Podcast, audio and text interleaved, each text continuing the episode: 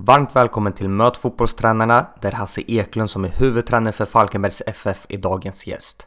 Han berättar vad han tagit med sig från spelarkarriären in till tränarkarriären, om hans första tränaruppdrag, hur det var att jobba med Stuart Baxter och vad han lärde sig av honom, vad det gav Eklund att vara assisterande i inledningen av karriären och hur lärorikt det var att få sparken för första gången.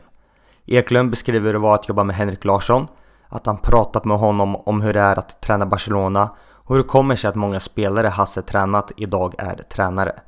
Vi pratar även om tiden i Kalmar FF och att han lärt sig att implementera sin spelidé snabbare, om comebacken till Falkenberg, hur det är att vara en slagpåse i botten ena säsongen och topptippad den andra i Superettan, att ändra sin fotboll och hur det kan se ut på träningsplanen, vad han och ledarteamet gör för att maximera chanserna i en liten klubb, vad kontinuiteten betytt för honom, hur de jobbar med unga spelare och scouting av värvningar samt om han är värd en staty efter sina klarade kontrakt med klubben.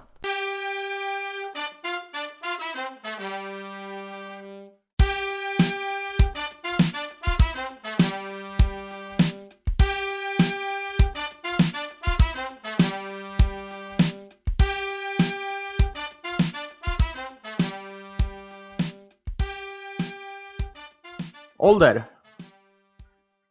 51. Familj? Eh, sambo Ulrika.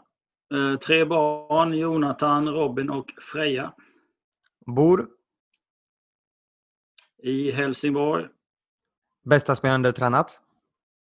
Eh, det får jag nog säga. Jag skulle nog vilja säga två spelare faktiskt. Eh, eh, den absolut bästa jag tränat är Henrik Larsson. Jag var tränare i Helsingborg när han kom tillbaka från Barcelona. Och gjorde comeback och eh, var en fantastisk spelare. Det, han var verkligen i, i, bra form när han kom tillbaka. Där. Eh, den andra spelaren jag vill nämna är nog eh, eh, Tobias Englund som vi har i laget just nu. Eh, och, och eh, det är för att han har en förmåga att hela tiden utveckla sig. När man tycker att han slår i taket och nu har han nått sin maxprestation så lyckas han flytta sin gräns hela tiden. Det är sådana spelare man vill ha egentligen som verkligen försöker testa av hur bra de kan bli och eh, det gör den här Tobias Englund. Han eh, flyttar fram sina gränser varje år och det är verkligen imponerande.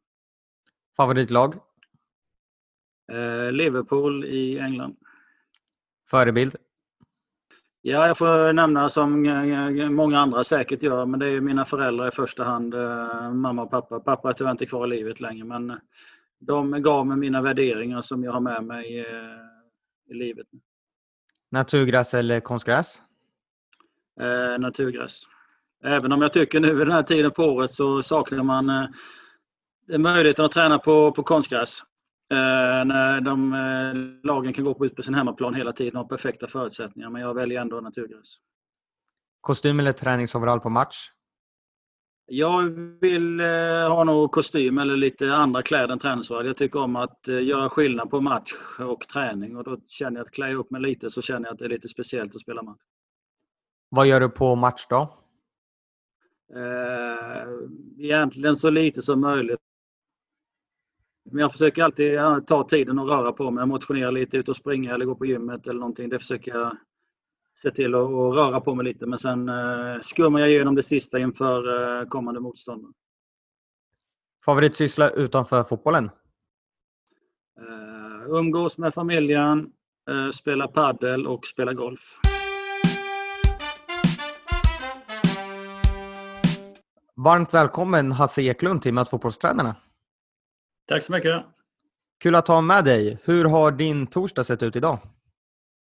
Idag har jag haft ett eh, möte på morgonen. Vi är lediga idag, från, vi är träningslediga idag, så jag har haft ett eh, möte med en agent faktiskt. Sen så efter mötet med agenten så eh, väntar jag på vårt möte. Så jag har inte gjort speciellt mycket idag utan jag har mest tagit det lugnt.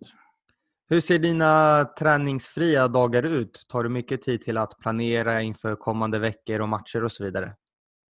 Eh, den eh, planeringen gör jag ofta i helgen och så planerar jag hela veckan. Så de här dagarna jag är ledig försöker jag verkligen vara ledig. Jag känner att eh, jag är en sån person som behöver samla lite tid och kraft. Så att jag försöker aktivera mig, spela golf eller padel eller träffa någon kompis eller någonting och sen så umgås jag med familjen mest. Hur viktigt är det att som tränare få de här korta pauserna och tid för återhämtning och tänka på något annat än fotboll? Jag tror vi alla är olika men jag har märkt att det passar mig väldigt bra och eh, vi har haft ett ganska slitsamt år där vi legat i botten och förlorat mycket och man har mått ganska dåligt och då är det extra viktigt tycker jag att man eh, tar de här återhämtningsperioderna på ett bra sätt och då är en ledig dag guld värd och det gäller att ta tillvara på den på bästa sätt. Som spelare så har du gjort flest mål i Allsvenskans moderna tid. Vad har du tagit med dig från din spelarkarriär in till din tränarkarriär? Det är ju kanske då att jag vet ju hur känslan är att spela match och vilka, vilka känslor som kan uppstå när man funderar på motståndare och hur det ser ut i matcherna och sådana saker. Och eh, sen så har jag ju haft många olika tränare med så man vet ju ganska mycket om vad man själv tyckte om som spelare, hur träningarna skulle se ut och, och sådana saker. Och eh, det försöker jag ju ta med mig in som tränare. En del, en del tränare är inne och bryter i övningarna väldigt mycket och det gillade aldrig jag som spelare. Jag tycker inte om man får någon rytm. Alltså jag är inte så jätteaktiv i coaching just under våra korta tidsintervaller. Vi har vissa övningar utan då försöker jag hellre låta spelarna göra jobbet utvecklas och använda pauserna istället. Hur var steget från spelare till tränare för din del? Eh, det var väldigt lätt. Jag eh, var hela tiden eh, inställd på att bli tränare en gång i tiden. Mitt första lag hade jag när jag var 12 år. Då hade jag sjuåringar i Mönsterås basketklubb. Och sen så har jag hela tiden varit inställd på att bli tränare så att alla tränare jag har haft från det att jag debuterade som 17-åring i Östers IF har jag samlat på mig träningsprogram och skrivit upp vissa saker som jag tycker är bra. Och, att Ja, det, jag har hela tiden varit förberedd på att vara, vara en tränare när jag slutar spela så att eh, det steget blev väldigt kort och väldigt lätt. Ditt första tränaruppdrag var ju som akademiansvarig och som tränare i P19 i Helsingborgs IF. Hur var det första tränaruppdraget? Ja, men det var både kul och spännande. Det var ett bra steg för mig kände jag. För att dels kunde man vara kvar i elitfotbollen. Det är inte alla som får den möjligheten. Eh, jag fick träna väldigt ambitiösa ungdomar som eh, Eh, verkligen ville framåt och ville bli någonting. Eh, så det, var, det var ett ganska tufft eh, uppdrag direkt för att jag blev akademiansvarig där för Helsingborg från 15 upp till 19 år med, med 75 spelare och 15 ledare och har lite budgetansvar och spelarutvecklingsansvar och sånt. Så det hade jag ingen erfarenhet av så det var mycket arbete på, på direkten men, men samtidigt så så gillade jag det från början och eh, mitt, mitt huvudfokus var att coacha 19-årsgrabbarna som sen skulle in i A-laget. Var tränaryrket som du hade förväntat dig eller vilka utmaningar dök upp som du inte riktigt hade räknat med?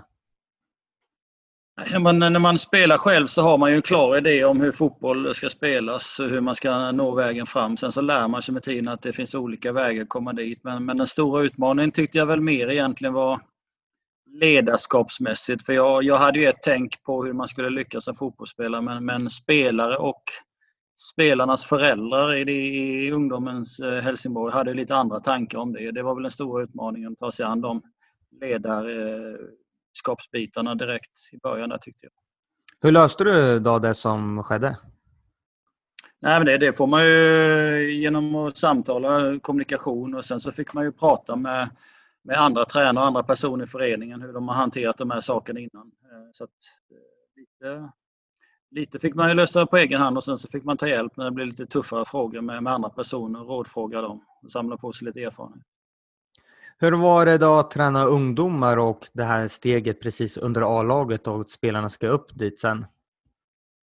jag tyckte det var jättebra. Jag tycker det är en sån sak som egentligen de flesta tränarna borde börja med därför att eh, du lär dig instruera och du lär dig grunderna i hur man ska slå en passning och hur man eh, eh, ska utvecklas eh, på ett bra sätt. När du har A-laget har du ofta på bättre nivå färdiga spelare.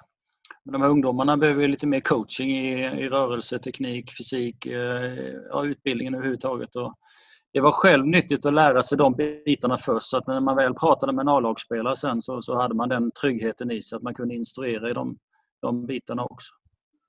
Om du tittar tillbaks på dina träningar, upplägg, träningsplanering och så vidare.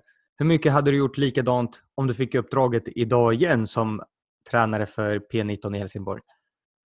Nej, men jag tror att man, man utvecklas hela tiden och jag är ju inte alls den tränaren eh, som jag var då. Det har hänt, hänt mycket sedan dess. Man utvecklas med tiden och man får nya tankar och nya rön och det händer mycket inom fotbollen. Så att, eh, jag, jag tror att jag har utvecklat mig väldigt mycket och eh, de, de ungdomarna som hade mig i Helsingborg där skulle nog kanske inte känna igen upplägget eh, idag om de fick mig igen som tränare. Du fick även hoppa in i A-laget ett par månader som huvudansvarig innan Stuart Baxter kom till klubben. Hur var det att träna seniorer för första gången? Ja, det blev lite annorlunda. Dels var det lite stökigt även om Helsingborg inte hade gått så bra och Peter Svärd fick lämna. Och, eh, Eh, jag skulle in i ett nytt tränarteam som hade en idé som de ville jobba efter. Och, eh, men samtidigt så är fotbollen ganska enkel. att Man vill vinna matchen och de här seniorspelarna eh, där hade jag lite fördel av att jag hade varit gammal spelare. De visste ju att jag var en spelare som stod mycket för bra attityd och inställning och de respekterade mig från början så att jag fick en, en bra start på det sättet. Sen så handlade det bara mer om att vara sig själv och försöka vinna fotbollsmatcher. Och, eh, det var ju en, en, period där det gick bättre och bättre. Vi startade väl lite, lite tufft men, men eh, det blev bättre och bättre med tiden. Vilka var de största skillnaderna mellan att träna P19 och sen att träna A-laget? Det blir mer eh, fokus på det taktiska med A-laget. Det var den stora skillnaden. Hur, hur ska vi vinna matchen? Det är ju den frågan man ställer sig direkt. Eh, eh, och då tappar man det här utvecklings och utbildningsfokuset direkt. Utan det var mer hur, hur ska vi jobba taktiskt för, för att vinna matchen? Och, och det gäller att sätta en, en taktisk idé hos spelarna som, som de kände att det här kan vi få fungera. Man hade inte fått poäng innan och då, bryr man sig inte så mycket om hur man slår en bredsida, bara att, bara att man vinner matchen och gör mål. Så det var mer ett taktiskt fokus och det var egentligen direkt från uppvärmningen började så var det ett taktiskt inslag i, i princip allting för att vi skulle vinna matchen. När Baxter sen tog över laget så blev ju du assisterande till honom. Kan du beskriva hur det var att jobba med Stuart? Ja, men det var, det var jättebra. Det, det kunde nog inte fått en bättre coach att gå vid sidan om. Och det, det är också en sån sak som de flesta kanske borde göra, gå vid sidan om. Och jag, jag det är en roll som passar mig också. Men, Men Stuart var väldigt duktig på att organisera träningar. Han var väldigt duktig på att motivera spelare till, eh, till vad de skulle göra och förklara sig på ett bra sätt. Och, och eh, precis som du säger, att han, han har ju ett jäkla bra rykte och bra erfarenhet så det var ju liksom bara att suga in sig all kunskap och all information man kunde från början. Där. Lite som du nämnde där, hur viktigt och bra var det för din del att börja som assisterande i början av karriären för att se och lära av någon som kanske har mer erfarenhet? Ja, men det, är, det är bra. Dels hur man eh, gör ett upplägg, man blir säkrare på sig själv. När man kommer upp första gången så har man ju bara sitt tänk och man vet inte riktigt, eh, kommer det funka eller inte? Och då behöver man lite tid. Men man går bredvid en erfaren tränare, hur han lägger upp det, hur han tänker och, och alla situationer som uppstår så, så förklarar han eh, så man får ju mycket med en gång att, uh, hur man hanterar spelare och spelarproblem och sådana saker. Det Stuart var väldigt bra på, uh, som jag tidigt tog till mig, det var att han var väldigt duktig och tidigt ute med att ställa frågor hela tiden. Hur, hur ska vi göra här och hur ska spelarna göra det? Och han utmanade oss andra assisterande och mig väldigt ofta och väldigt eh, mycket med, med frågor hur vi ska lösa motståndarens taktiska grejer. Vad tycker du? Och sådana saker. På så sätt blev vi ledare väldigt delaktiga men man själv fick tänka till med sin egen fotbollsfilosofi på ett bra sätt. Och, och det tyckte jag Stuart gjorde jättebra. Du lämnade ju också Helsingborg sen för att bli just huvudtränare i danska Viborg. Kände du dig redo då att liksom testa dina egna vingar efter att ha arbetat med Baxter och fått eh, gått bredvid honom? Ja, mitt mål var ju hela tiden att bli huvudtränare och eh, nu fick jag då komma till klubben jag själv hade spelat i Danmark. Eh. Att, men med facit i hand kanske det var lite för tidigt och jag kanske skulle stanna kvar lite till i Helsingborg. Men, men nu tyckte jag det var en utmaning att stå på egna ben och jag tyckte mig vara väl förberedd för att kunna hantera det. det tyckte jag. Hur var det då att vara huvudtränare för första gången om vi bortser från när du tog över Helsingborg där under en kort period? Ja, men det är ju det är lite skillnad på kulturer i Danmark och, och Sverige. Eh, även om det är väldigt nära eh, bilmässigt så är det lite annan kultur och lite annat tänk. Eh, men, men jag tyckte det var intressant. Eh, jag kände ju till, i och med att jag varit och, och spelat det också, laget, eh, jag kom in eh, vintern då, för de spelar ju höst-vår. Kom in vintern när Anders Linderoth hade haft en tuff period. Och laget hade det tufft i Superligan och ville stanna kvar där. Och, och eh, med facit i hand så fick jag ju en eh, tuff start med tanke på att eh, det, det visade sig att laget eh, var ju för dåligt helt enkelt. Att det är 12 lag i danska ligan och tio lag där säger väl att de ska komma topp tre och de andra två lagen ska komma i topp fem. Så att det var tufft och jag förstår att Anders Linderoth inte lyckades eh, reda ut detta. Så att det var ju också en erfarenhet att egentligen Helsingborg gick väldigt bra med Stuart där vi hade framgångar hela tiden. och Helt plötsligt kom man in i danska ligan och man tycker att man är oövervinnerlig och sen helt plötsligt så börjar du förlora en massa. Och, och det var en tuff erfarenhet på det sättet. Hade du gjort någonting annorlunda med all erfarenhet du har samlat på dig idag om du fick ta Viborg igen? Ja, det tycker jag. Nu, nu känner man sig ännu mer förberedd och man har varit ute för de här... Eh, jag var lite naiv där tycker jag i mitt sätt att tänka och mitt sätt att, att spela. Och, och nu har man blivit lite mer cynisk och man har fått en annan erfarenhet hur man ska angripa de här problemen eh, först. Att liksom göra en ordentlig research på vad är det som inte funkar, vad, vad är problemet på, på klubben. Men jag tyckte att ja, fan, här kommer Hasse Eklund, det räcker med att jag kommer så ska det lösa sig. Men nu har man lärt sig mer att eh, göra en research. Vad, vad är det klubben saknar? Hur är kulturen? Hur är stämningen i laget och föreningen och, och sådana saker som är viktiga att ha med sig nästa gång. Hur tufft var det att åka ur högsta serien och sen inte få vara med hela vägen i kampen om comeback till serien som var klubbens mål? Ja, det var väldigt tufft faktiskt. Jag, det är en av, eller min första stora tränarmotgång så, såklart. Men eh, dealen vi hade med Viborg var ju att jag skulle försöka ta tillbaka dem till högsta ligan. Och i Danmark var det så att de ettan och tvåan går upp direkt.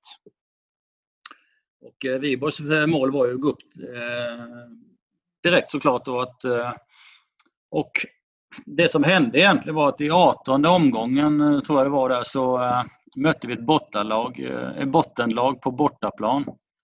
Och gjorde ingen bra match, fick stryk med 3-2, Lund med 3-0, men gick upp till 3-2 och fick stryk. Och, och eh, då hände det att vi halkade ner från första till andra plats, men vi var fortfarande inom eh, den målsättningen som vi hade kommit överens om att hamna etta eller tvåa.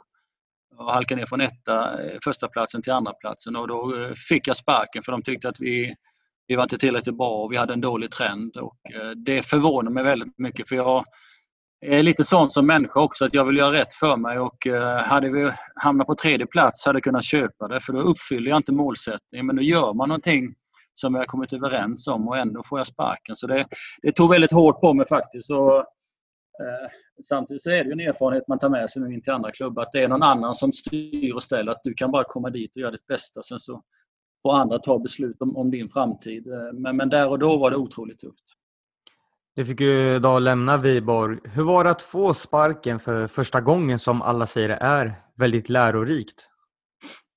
Ja, det är, det alltså när man känner att man inte är oönskad, det är, det är väldigt tufft. Eh, så att, och då får man försöka bearbeta det på bästa sätt. Dels får man analysera sig själv om man kunde gjort något annorlunda och sådana saker. Sen så får man också skilja på på jobbet och på sig själv som person. Att man är en bra person även om man skulle misslyckas i jobbet så, så får de två bitarna inte hänga ihop. Utan det är någon annan som tycker att ditt jobb inte är tillräckligt bra. Men jag använde första tiden till, till att prata med lite gamla tränare som hade fått sparken, hur de hade gjort och hur de hade re reagerat. Och... Men så är det i fotboll och eh, jag lyckades gå vidare efter det. Och eh, efter det så blev du ju återigen assisterande och då till Henke Larsson i Landskrona Boys. Hur var känslan när du fick eh, den förfrågan? Ja, eh, det var ju väldigt bra för att jag hade ju gått ganska, eller jag hade gått i åtta månader och varit arbetslös. Och det finns ju alltid en osäkerhet som tränare när, när och hur och om får man sitt nästa tränarjobb. Så att Landskrona saknade en assisterande tränare så tog jag kontakt med Henrik i och med att vi hade arbetat tillsammans i Helsingborg och eh, träffades där och eh, eh, blev glad sen när Henrik bestämde sig för att eh, ta in mig som assisterande tränare i Landskrona. Hur fungerade ert samarbete där du, där du haft mer erfarenhet av tränaryrket? Ja, men jag tycker det fungerade bra, i varje fall från min sida. Jag hoppas och tror att Henrik säger samma sak. Eh, min fördel var ju att jag har ju varit tränare som du säger och eh, kunde organisera träningen eh, åt Henrik på ett bra sätt och hjälpa honom att undvika en del fallgropar. Henrik gick ju från spelare till tränare väldigt fort och det är inte alltid man är förberedd på allt med vad ledarskap och och hur man når fram till sitt mål när man planerar träningar och sådana saker. Där kunde jag hjälpa honom med metodiken och organisationen och hur, hur man ska tänka för att eh, få ner sina tankar till spelarna på ett bra sätt. Så att, sen så har ju Henrik erfarenhet från sina tidigare tränare sina andra klubbar. Men just det här tror jag, det här pappersarbetet och, och den metodiken eh, kompletterade varandra på ett bra sätt. Vad kunde du lära dig av honom? Ja, men det, det finns jättemycket, framförallt från hans spelarkarriär och hur han uh, har varit i de stora klubbarna och vad han har tagit med sig därifrån. Och man läser ju jättemycket bara genom att samtala med andra fotbollstränare eller fotbollsspelare, hur de tänker och tycker. Och eh, det var ju fantastiskt att gå bredvid Henrik i tre år och suga in sig all den informationen och den kunskapen. Så att, eh, det är svårt att peka ut något särskilt ämne eller någon särskild incident eller någon särskild eh, grej som har hänt. Utan det är, det mer helheten, att man har fått gå nära någon som har varit en så stor fotbollsspelare och fått ständig information hela tiden. Varför tror du det kanske inte riktigt har lyft i alla klubbarna som han har jobbat i som huvudtränare? Från min sida tror jag det är ganska enkelt. Det är att Henrik eh, har ju gjort eh, eh, det bra i en klubb och det var egentligen den första där. Det var ju Falkenberg som, som han kom till efter mig då. Och där, där var det ordning och reda. Eh, ser man till Landskrona kan man säga att det var också ganska bra ordning och reda där tycker jag. Men det var ändå i Landskrona var det två falanger i styrelsen och de ville lite olika saker. Helsingborg är det oro vid sidan om planen och eh, jag tycker synd om honom på det sättet. Nu kommer han ner till Barcelona där det också är oro. Så att han liksom inte varit i någon klubb där det varit en tydlig struktur och bra organisation. Han har fått ägna sig åt att bara vara fotbollstränare och göra det han är bäst. Utan han har fått syssla med massa andra grejer runt om och ta tag i problem som egentligen inte en fotbollstränare ska, ska syssla med. Så att det är ett erfarenhetsyrke, man lär sig med tiden och Henrik har inte varit tränare så länge heller. Men jag tror framförallt det här att det har varit väldigt stökigt runt Henrik i de tre klubbarna förutom Falkenberg då, som, som har påverkat hans prestationer på planen också. Vad var din tanke när det stod klart att han skulle bli ny assisterande i Barcelona? Ja, jag tycker såklart det var jättekul. Eh, det var ju förvånande med tanke på att han har gått arbetslös väldigt länge då att, eh, att han skulle få den chansen så men, men samtidigt är det kul. Och han, han har ju ett nätverk och han har en personlighet som de som känner han eh, vet hur han är och hur de ska utnyttja hans starka sidor. Och, så att det, det, Barcelona har ju haft han där som spelare, de vet ju vad det är för en typ så att det är väl scoutat och, och verkligen kul för Henrik att få komma dit igen och starta om sin karriär nu igen. Han har eh, inte haft ett tränarjobb på ett tag. Har du pratat någonting med honom sen han blev klar för Barcelona? Ja, absolut. Vi, vi har eh, kontakt eh, då och då så att eh, han, han trivs väldigt bra. Men, men det är som sagt var lite oroligt nu med ekonomin och, och stök. Men samtidigt så känner han att det är kul att kunna vara med från början och bygga upp ett litet nytt lag. Eh, men de sliter lite med ekonomin och, och det här presidentvalet. Så att det är det väl lite jobbigt. Han pratar någonting om hur det är att liksom vara på högsta nivån och träna världens bästa fotbollsspelare.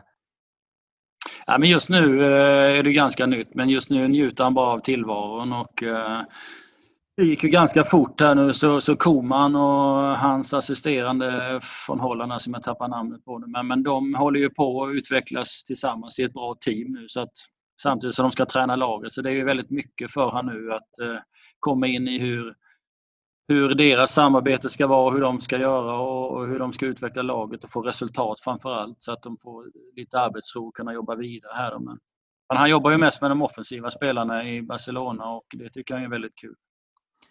Många spelare som du har tränat har ju blivit tränare sen, bland annat då Henke, Jocke Persson och Marcus Lantz. Varför tror du att det har blivit så? Jag tror det, det, är två bitar. Dels så tror jag att många fotbollsspelare har spelat fotboll i hela sitt liv och sen så vet de inte vad de ska göra när karriären tar slut. Eh, man, man kan ingenting annat och då är det ju tränare eller agent. Eller, sen är det inte så många yrken kvar inom fotbollen kvar eh, att ägna sig åt som fulltidsarbetare. Eh, Men sen ser man samtidigt att både Jocke, Lans, Henrik, många av dem har ju de här ledaregenskaperna och en bra syn på fotboll. När vi hade, Henrik och jag hade Jocke och Lantz i Landskrona där så var det ju väldigt bra diskussion om hur vi skulle spela och sådana saker. Man, man märkte ju ganska snabbt att de har koll på läget och därför är det inte förvånande att de blev tränare heller. Det tycker jag inte. Med Landskrona så lyckades du och Henke aldrig riktigt hela vägen med att nå allsvenskan. Vad var det som saknades för att ta det här steget, tror du? Ja, jag tycker väl att det dels visade sig att vi hade ju kanske inte riktigt eh, den spelartruppen som, som hade kvaliteten att göra det. Sen så eh, fick vi inte riktigt ihop det på, på det sättet som vi hade önskat, eh, tyvärr.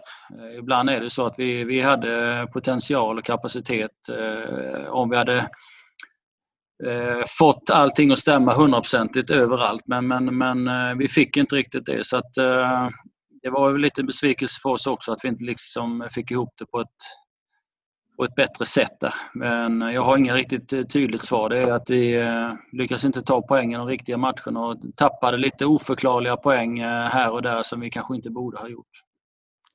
2012 var ju ditt sista år i Landskrona och samma säsong var ju Falkenberg väldigt nära att åka ur superettan efter kval mot Axel Kjell och hans BK Forward. Och eh, efter nöd och näppe så klarade han sig kvar och kontaktade dig.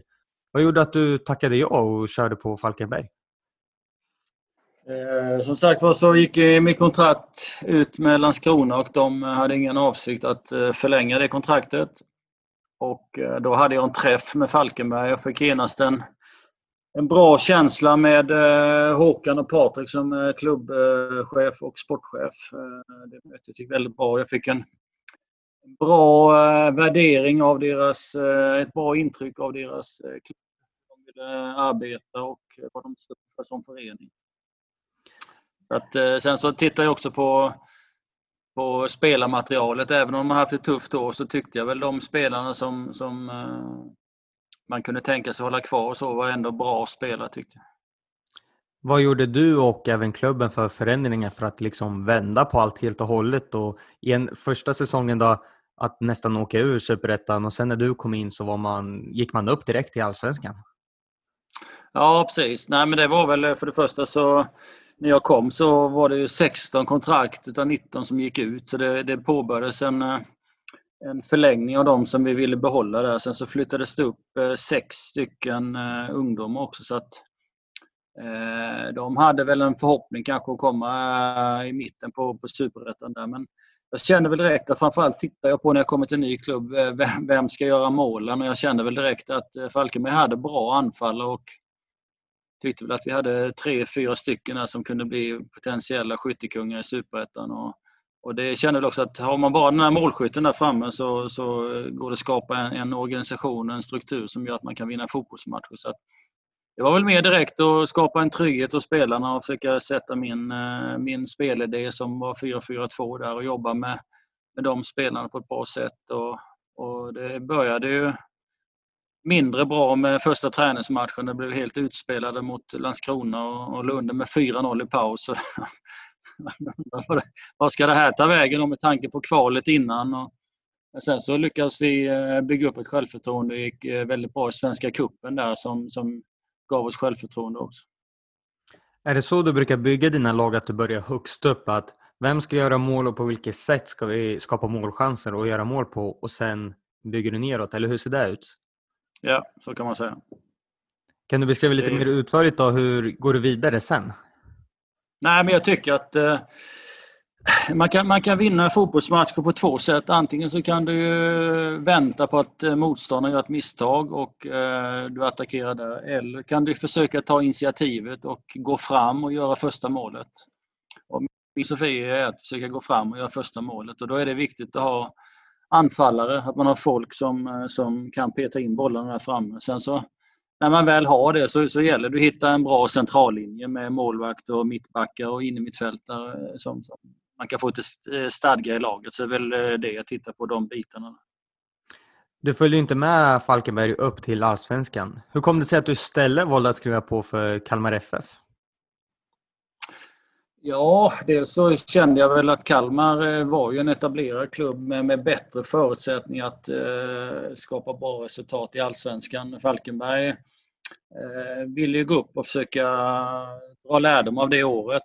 Eh, men hade ju begränsad ekonomi och små resurser där det fanns lite mer möjligheter i Kalmar. Då. Men egentligen kan man säga att den stora anledningen är att jag är ju från Kalmarhållet och har mina, min släkt i Kalmar, utanför Kalmar och eh, jag har gått i skola i Kalmar. Så att alla de där bitarna var på plats. Plus att när jag värvades till Kalmar så var det ett, eh, ett sportråd där med Bosse Johansson som jag haft som tränare och Kjell Nyberg som jag kände väl som, som rekryterade mig också. Så jag kände att jag var i goda händer när jag skrev på för Kalmar. Så att eh, det var väl de, de bitarna som jag tyckte var viktiga där. Och det var såklart tråkigt att lämna Falkenberg men, men jag kände väl ändå där och då att det var ett steg upp i min, min tränarkarriär. Och eh, det blev ju en säsong i Kalmar innan du fick lämna. Men ni hade ju en väldigt bra vår när ni var med i toppen och förlorade bara en match innan VM-uppehållet. Men vad var det då som hände efter VM när allsvenskan drog igång igen? Ja, man kan säga att den, den stora delen var ju att under sommaren så sålde man Melke Hallberg till Udinese som spelar på innermittfältet. Och Eh, vi hade en brasse som, eh, som spelade på innermittfältet, Ismael, som eh, fick en muskelbristning och var borta tre månader. Så det här navet eh, som vi hade på innermittfältet, de, de blev skadade och eh, de lyckades vi aldrig riktigt ersätta fullt ut. Och sen så kom vi in i en period där vi hade det tufft och tog väl en eh, eller två poäng på sju matcher där som gjorde att vi, vi började halka lite neråt. Och, och en, en match kommer jag ihåg, då hade vi femte målvakten i klubben i, i mål mot Djurgården på hemmaplan. En 16-åring fick vi slänga in där. Så att, vi kom in en liten period efter sommaren som lite stökig och eh, fick lite sämre resultat, tyvärr. I en intervju med Studio Allsvenskan så pratade de om att du skulle vilja implementera din spelidé på ett effektivare sätt. Hur ser du på det idag, att få laget att spela som man vill så snabbt som möjligt?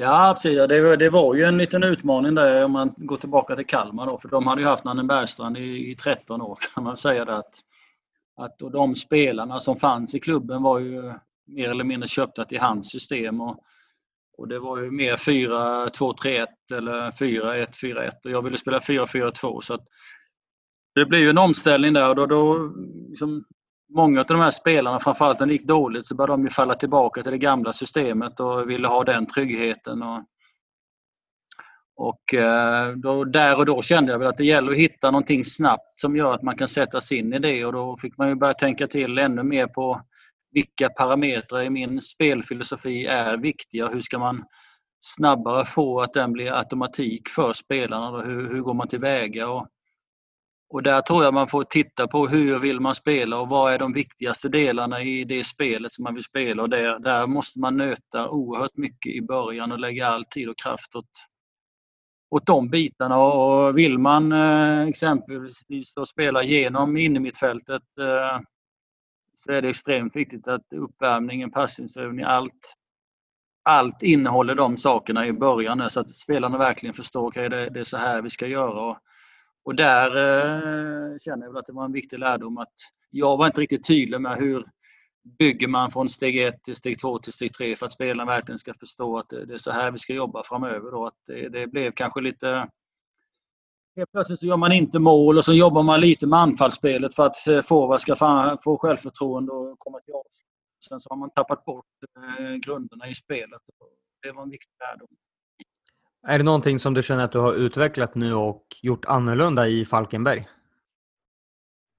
Ja, jag tycker det. Att man får hitta de här bitarna och det känner jag väl att jag har hittat en, en, en tydligare grund på det sättet. Sen kan man säga att i grund och botten handlar det lite om vilka, vilka spelare du har och hur, hur, hur jobbar man där. Eh, tittar man, tittar man på Kalmar så var det ju svårt för att eh, det gäller att du har en tydlighet uppifrån, att organisationen högst uppe hjälper dig som tränare. Och Kalmar har ju haft fem tränare de senaste åren då, där jag, Peter Svärd och Magnus Persson har kommit utifrån och ingen har lyckats. Och sen har man haft Nanne Bergstrand och Henrik Rydström som är Kalmarbor och inne i föreningen. De har också haft det tufft. Att det handlar ju mer om vilken hjälp man får uppifrån eh, att eh, få igenom sina idéer på ett bra sätt. Och, och där känner jag att det, det som hänt i Falkenberg då, att man har lyckats eh, bygga ett team där alla i teamet är införstådda med hur man vill göra och hur, eh, hur ska vi ta oss fram, vilka steg gäller där och där eh, har vi ju har man nu varit tydliga med, med, med de här assisterande tränare och folk runt omkring att hur vi spelar och hur vi vill göra. Sen så är ju Falkenberg lite att man man får anpassa sig lite efter spelarmaterialet därför vi har en begränsad ekonomi och vissa kriterier som vi vill att, att klubben ska, ska hålla i rekryteringen som gör också att det begränsar lite. Hur viktigt är just det här då, samarbetet mellan tränare, sportchef och andra ledande personer i klubbar? Att det fungerar så smärtfritt som möjligt? Ja, det är, det är jätteviktigt att framförallt måste det fungera mellan sportchef och tränare så att det inte kommer in några, några kilar däremellan. Och, och, och sen även med styrelsen, att man har ett bra samarbete. Och det, det har varit bra för mig i Falkenberg att vi har haft det tufft många gånger med, med styrelsen och sportchefen och hela tiden backat upp mig på ett bra sätt. Och då har man fått arbetsron och kunna skapa resultat också. Så att det, det är alfa och omega. Sen så när du lämnade Kalmar så valde du att återvända till Falkenberg efter bara någon veckas semester och ledighet. Hur kom det sig? Nej, men jag ville igång eh, efter eh, att ha fått lämna Kalmar så ofrivilligt så, så ville jag igång med, med tränarjobbet direkt. Jag kände ju att jag var i en trygg miljö i Falkenberg. Att, eh, att jag verkligen kände också att jag ville ta revansch. Jag tycker 11 månader i Kalmar och ett transferfönster var för litet. Jag kände att jag, jag har mer att ge som tränare och var tacksam för att Falkenberg ville ha tillbaka mig.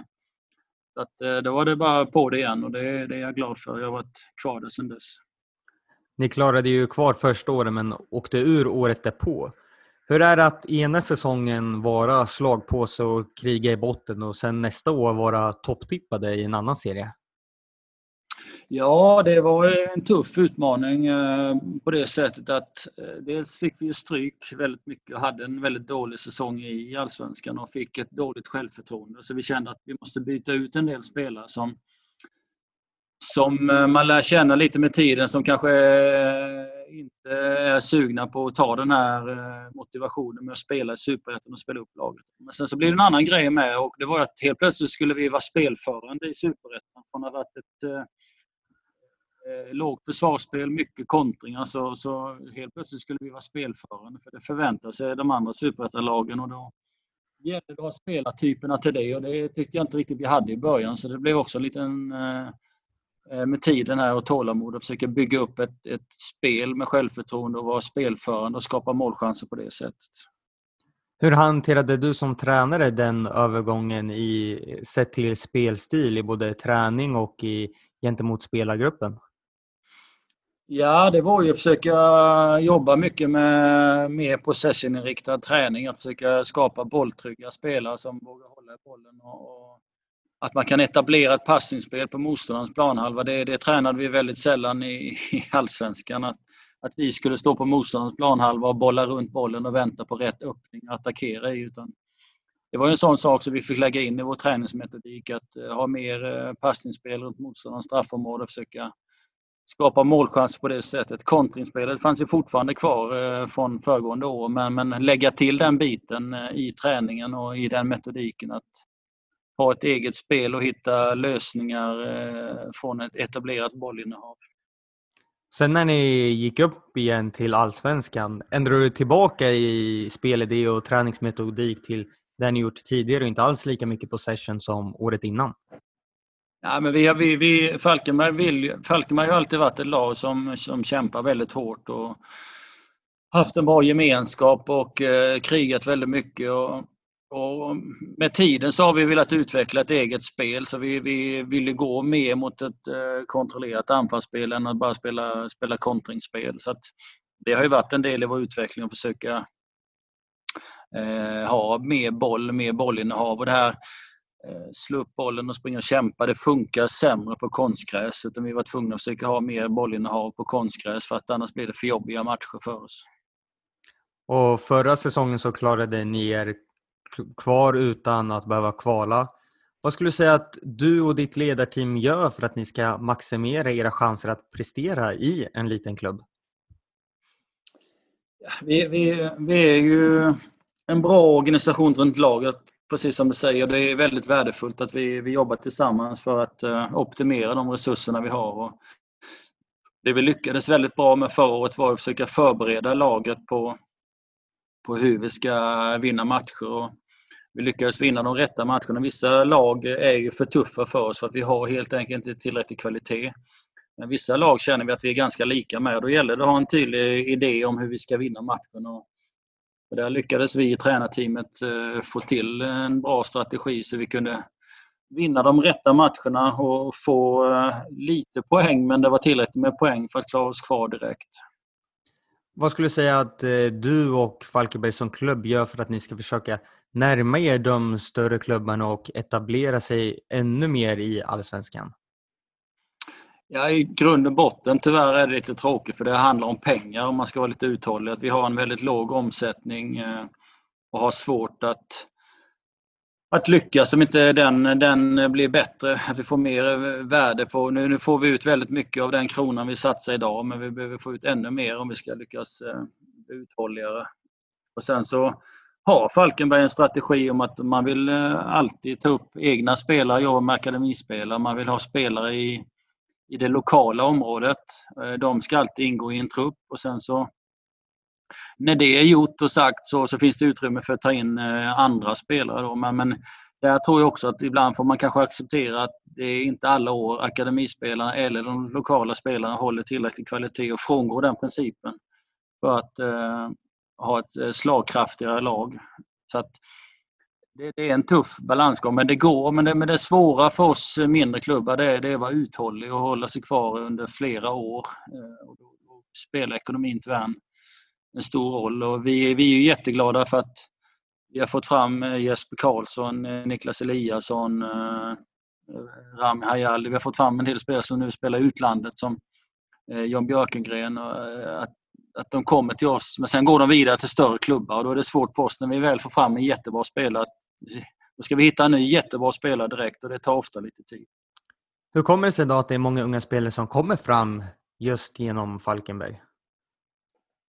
Men jag tror att vi, vi, har, vi har ju valt den inriktningen och jag själv som tränare tillsammans med mitt ledarteam är väldigt intresserade i att utveckla spelare och vi, vi satsar mycket på det. så att Vi har satsat på att ha ett, eh, ett ett lite större team runt laget på det sättet att vi, vi sysslar med utveckling och utbildning av spelare. Och, och det här tränar, tränarteamet som vi har idag jobbar bra tillsammans och det, det, är en förutsättning att identifiera de här spelarna, lägga tid på dem och, och, och jobba med dem. Och sen så ha lite tur att spelarens egen motivationsnivå är så pass hög att de, de vill komma vidare och eh, Jesper som nu senast gick från, från oss till Elfsborg, han har ju alltid tränat mycket själv. Så det, den egna drivkraften är ju jätte, jätteviktig hos spelarna. Men, men då finns vi som en bra stöttapparat runt, eh, runt spelarna.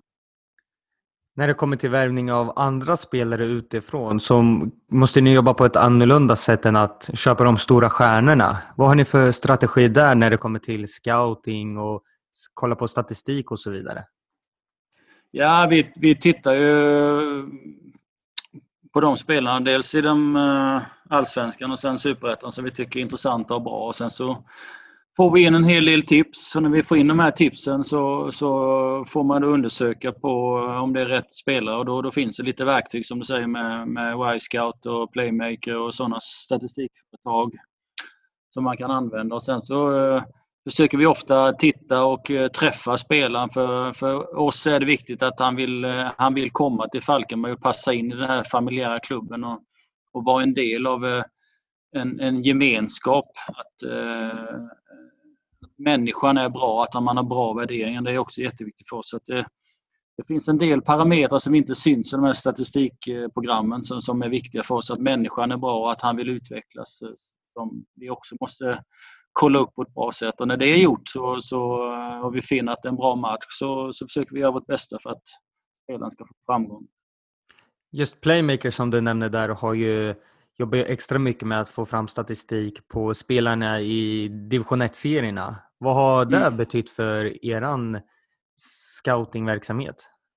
Ja, men det är klart att det, det, det, är ett filter som är bra. Att ska du kolla igenom alla spelare väldigt noggrant i, eh, i uh, division 1 eller superettan så är det klart att får du titta på väldigt många matcher. Där, där kan du snabbt få en bild av vad är du söker. Söker du en bra huvudspelare så kan du snabbt få fram eh, topp fem huvudspelare i division 1 exempelvis. Och då kan du börja med att titta på de fem och analysera dem.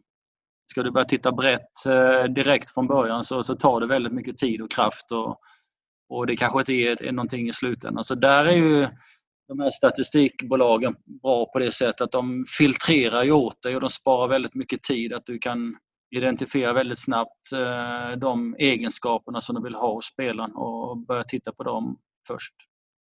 Du har ju varit i Falkenberg nu under många år. Hur viktigt är det att få jobba med den här kontinuiteten som både för dig som tränare men även för klubben?